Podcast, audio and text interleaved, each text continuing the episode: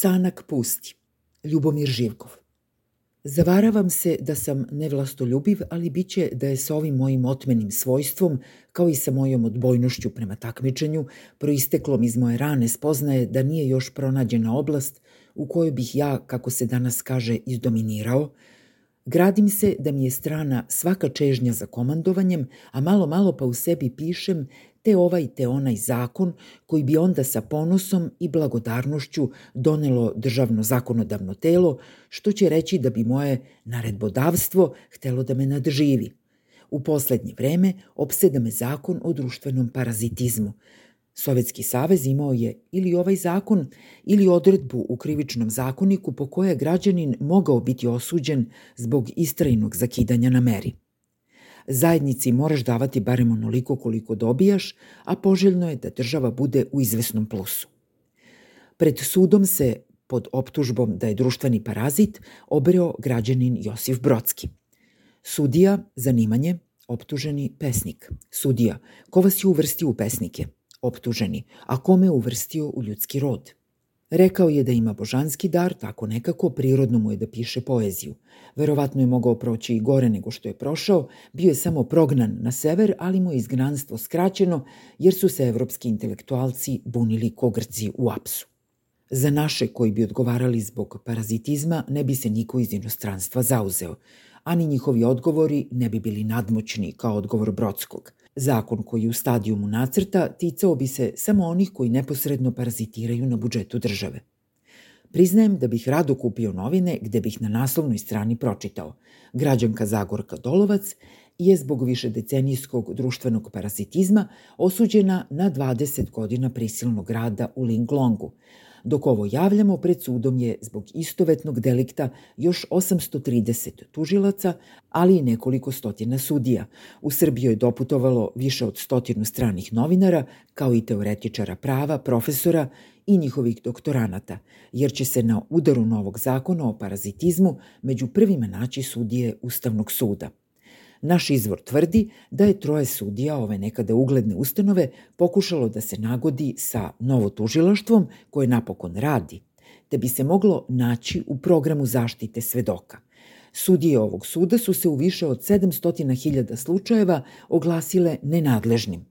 Ćutale su, iako je šef države godinama javno i slavodobitno kršio ustav, a progovorile su, iako to nije u njihovom delokrugu, da je sa doktoratom ministra optuženog za teški plagijat, sve cakom pakom. Po uzoru na policiju koja prestupnicima oprašta polovinu globe ukoliko ovi novac uplate za manje od nedelju dana, i parazitima bi moj zakon omogućio da se sami prijave, to jest da se samo optuže. Sud bi odštetu v takom slučaju prepolovio. Najbržim su se pokazali članovi Sanu, koji skrušeno sami ukazuju na upravo grotesknu nesrazmeru njihovih pesničkih i dramskih dela i apanaže kojom su dugoročno i doživotno obasipani. Žao mi je što nisam mlađi da se sada zaposlim, ako treba i kao građevinski radnik, pa da svakog meseca otplatim deo ovog zaista sramotnog duga – napisao je u svojoj pokajnici slavni akademik koji neka ostane anoniman, mada nije. Podsaknuti ovim uglednim uzorom, ali i uplašeni zaprećenim kaznama, javljaju se i sami se predaju dobitnici nacionalnih penzija, među kojima je zabeleženo i nekoliko pokušaja samoubistava, o čemu svedoči i oproštajno pismo koju je preživeli nacionalni penzioner sam predočio sredstvima informisanja. Ceo život sam se zalagao za ravnopravnost, a kada mi je država, vođena ko zna kakvom svojom, možda i nečasnom računicom, ponudila da budem povlašćen i doživotno preplaćivan, ja sam to oberučke prihvatio, čime sam naneo nenadoknadivu štetu nenacionalnim penzionerima kao i mojim sugrađanima koji nisu doživeli ni običnu penziju. Shvativši da sam sada odviše star da dug zajednici otplatim, odlučio sam se za ovaj nepovratni čin. U trenutku dok pišem ove redove, organima gonjenja predala su se dvojica rukovodilaca javnog medijskog servisa. Pa nas dvojica ne dajemo ništa, dopuštamo što šta, što je i gore nego ništa, dobijali smo novac koji bolje da i ne saberemo. 30 savetnika je dobrovoljno i preventivno u budžet Republike Srbije uplatilo ukupno 30 miliona dinara. Među članovima upravnih odbora zavladali su panika i kajanje, a jedna od najslavnijih članica, koja se zapravo ničim drugim nije ni bavila, nadmašila je kolege iskrenošću. Kad sam se prvi put obrela u upravnom odboru, rekla sam sebi, napokon je primećeno koliko sam i samom svojom pojavom, svojim umom i etičnošću korisna društvu. Nisam znala da ću istovremeno biti u dva ili tri odbora, a još manje se mogla znati da će se ta moja članstva, tako reći, ulančavati, kao što se novele ulančavaju u roman, što sam čula od mog muža. Ali sada kad se osvrnem i pogledam Srbiju koja me ovoliko tetošila i precenjivala, dođe mi da u zemlju propadnem, jer novac dobijen kao nezasluženi poklon naravno nisam štedela i kraj najbolje volje ne mogu sad da ga vratim. Iako je sveta matera odvojena od države, i njeni velikodostojnici prepoznali su se u zakonu o parazitizmu, te su na velikoj dobrotvornoj vidovdanskoj aukciji prodata 143 džipa. Novac je sav namenjen sirotištima i beskućenicima.